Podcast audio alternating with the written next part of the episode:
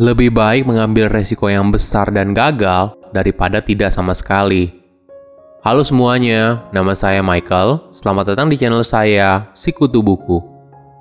Kali ini saya akan bahas buku The Ride of a Lifetime karya Robert Iger. Sebelum kita mulai, buat kalian yang mau support channel ini agar terus berkarya, caranya gampang banget.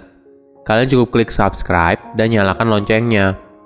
Dukungan kalian membantu banget supaya kita bisa rutin posting dan bersama-sama belajar di channel ini.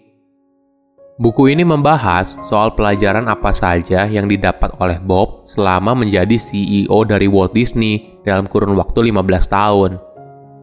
Bob pertama kali diangkat menjadi CEO The Walt Disney Company pada tahun 2005 saat kondisi yang sulit. Pada masa itu, kompetisi semakin ketat dan teknologi berkembang sangat cepat Disney harus mampu bergerak cepat mengikuti perkembangan zaman bila tidak ingin punah. Saat ini, Disney merupakan salah satu perusahaan yang paling dikagumi di dunia dan valuasinya berkembang hingga lima kali lebih besar saat awal pertama Bob mengambil alih menjadi CEO. Saya merangkumnya menjadi tiga hal menarik dari buku ini. Pertama, menjadi orang yang serba bisa. Karir Bob di perusahaan berita televisi ABC sangat tidak terduga. Saat itu, pamannya sedang berada di satu kamar dengan eksekutif level rendah di ABC. Awalnya mereka hanya ngobrol santai, hingga orang itu bilang ke pamannya Bob kalau dia punya jabatan yang oke di ABC. Bob memang sedang mencari pekerjaan. Pamannya kemudian memberikan nomor telepon orang itu kepada Bob untuk bicara soal lowongan pekerjaan di ABC. Akhirnya, Bob diterima bekerja di ABC dari level yang paling bawah. Dia dibayar 150 dolar per minggu dan mengerjakan apa saja yang disuruh. Misalnya, datang jam 4.30 pagi ke kantor untuk mempersiapkan lokasi syuting, mengatur tukang kayu, tukang listrik, dan mengerjakan apa saja. Bob dikenal dengan pribadi yang serba bisa, bahkan hingga dia dipromosikan untuk bekerja di ABC Sport Suasana di ABC Sport berbeda dengan departemen ABC lainnya. Karena banyak interaksi dengan atlet terkenal, banyak kolega Bob memakai pakaian yang mahal dan hidup yang mewah. Di sana, dia bertemu dengan salah satu mentor terbaiknya, yaitu Ron Arledge, kepala dari ABC Sports. Dari semua hal yang Bob pelajari dari Ron, satu hal yang selalu diingat oleh Bob adalah Lakukan apa pun yang perlu kamu lakukan untuk membuat sesuatu jadi lebih baik. Ini adalah mindset untuk mengejar kesempurnaan tanpa henti. Run mengajarkan Bob untuk tidak menerima keadaan yang biasa-biasa saja. Lawan pemikiran kalau kita tidak punya waktu, tidak cukup energi, dan selalu berusaha untuk menghasilkan karya yang terbaik.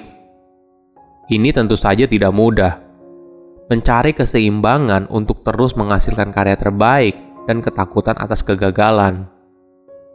Jika ternyata kamu gagal, bagaimana? Kamu tidak bisa menyalahkan pilihan burukmu kepada orang lain. Kamu harus mengakui kesalahanmu. Itulah cara kamu dihargai dan dipercaya oleh orang lain. Kedua, karakter pemimpin sejati. Kepemimpinan sejati berasal dari mengetahui dirimu sendiri dan jangan berpura-pura jadi orang lain. Ketika Bob diminta pendapat dan sarannya tentang sebuah proyek, dia akan sangat hati-hati dalam berbicara.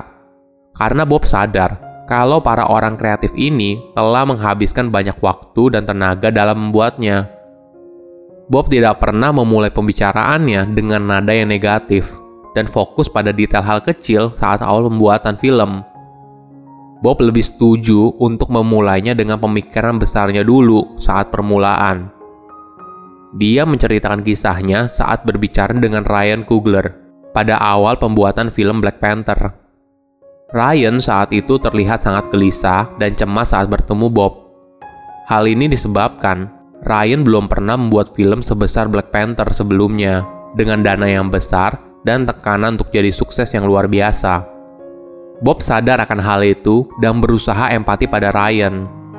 Bob mengingatkan Ryan kalau dia punya kepercayaan besar kalau Ryan bisa mencapainya. Empati adalah salah satu karakter pemimpin yang bisa melahirkan kreativitas. Itu adalah cara Bob merawat kreativitas di dalam tim Disney. Di bukunya ada kisah menarik ketika Bob berjuang untuk meyakinkan dewan perusahaan agar dia dipilih sebagai CEO yang baru tanpa mengkritik CEO yang lama. Bob bilang ke dewan perusahaan kalau dia tidak akan fokus ke masa lalu, tapi fokus ke masa depan.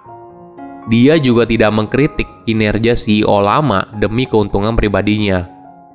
Setiap kali ada pertanyaan tentang kesalahan Disney di masa lalu, kesalahan CEO lama, Bob dengan jujur berkata kalau dia tidak bisa mengubah masa lalu.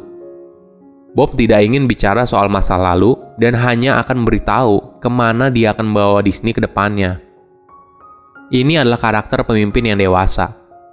Banyak pemimpin ketika menjabat posisi baru terbiasa menjelekan pejabat lama agar dirinya terlihat lebih hebat. Padahal, apa pun yang terjadi di masa lalu pasti ada alasannya. Yang paling penting adalah apa yang kamu lakukan di saat ini dan di masa depan. Ketiga, berani melakukan hal besar.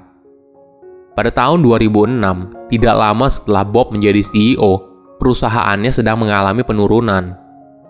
Bob tidak memilih untuk memperbaiki kinerja internalnya, melainkan memilih untuk mengakuisisi Pixar untuk memberikan nafas baru bagi Disney. Sebagai informasi, saat itu Pixar merupakan perusahaan animasi paling sukses dan saham mayoritasnya dimiliki oleh Steve Jobs. Setelah negosiasi yang cukup alot, akhirnya Disney membeli Pixar dengan harga lebih dari 7 miliar dolar. Banyak orang berpendapat kalau harga itu kemahalan, tapi Bob yakin itu adalah harga yang pantas. Dia tidak yakin kalau dirinya sanggup memperbaiki kinerja studio animasi internalnya Ternyata, akuisisi Pixar merupakan langkah yang brilian dan berhasil memperbaiki budaya dan kinerja tim animasi di Disney. Sebelum mengakuisisi Pixar, Bob juga punya ide besar untuk mengembangkan bisnis video streaming yang berisi semua konten yang dimiliki oleh Disney. Ini tentu saja dilema, apalagi di tingkat dewan perusahaan. Saat itu, Disney telah mendapatkan uang yang cukup banyak dari platform streaming atas semua film Disney yang diputar di sana. Tapi, jika Bob membuat bisnis video streaming sendiri, artinya dia akan kehilangan semua pendapatan dari platform streaming lainnya. Pertanyaannya seperti ini, apakah Disney bisa menarik banyak pelanggan? Ini adalah pilihan yang beresiko. Bob sadar untuk membuat Disney bisa bertahan di tengah perubahan zaman, Disney harus berani berinovasi. Jika kamu ingin inovasi, berarti kamu harus selalu memberikan ruang untuk kegagalan.